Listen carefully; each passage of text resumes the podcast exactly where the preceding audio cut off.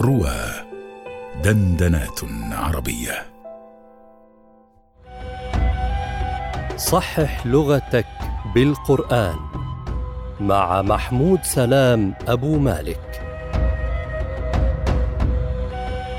الموسم الثاني على رواه.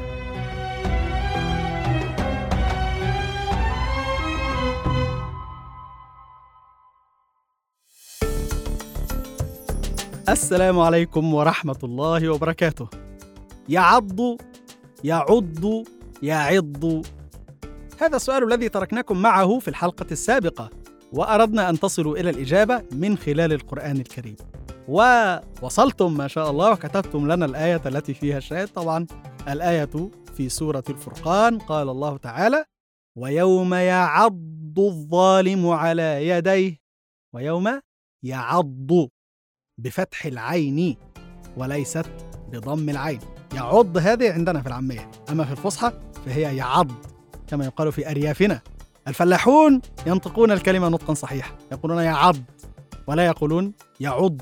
لكن أهل أهل المدينة يحبون أن أن يضموا ولكن هذا من الأخطاء الشائعة. وقال لك لسان العرب يعض مضارع عض ووزنه فعل بكسر العين. يعني إيه فعل بكسر يعني ماضيه يعني لو أنك حركت ماضيه لو أنك تنسبها لنفسك مثلا لو أنك تسندها إلى تاء الفاعل ستقول عضضت بكسر الضاد. تكسر في الماضي لكي تفتح في المضارع. ألم أقل لك قانون المخالفه عضضت أعض لأن أصلها اعضض بالفتح. فعل يفعل. عضضت أعض.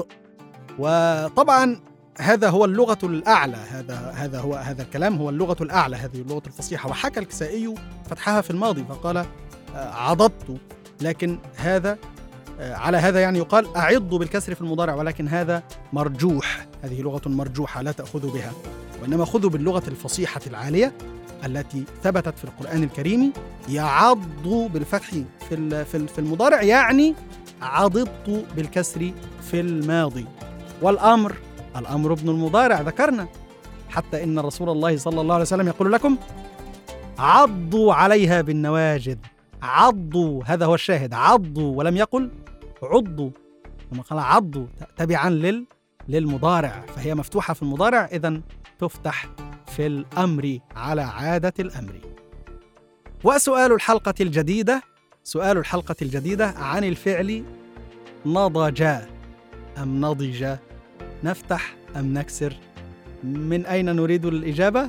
من القرآن الكريم فابحثوا واكتبوا لنا الشواهد وتعالوا في الحلقة القادمة إن شاء الله نبين بارك الله فيكم وأحسن إليكم ومحبتي لكم محمود سلام أبو مالك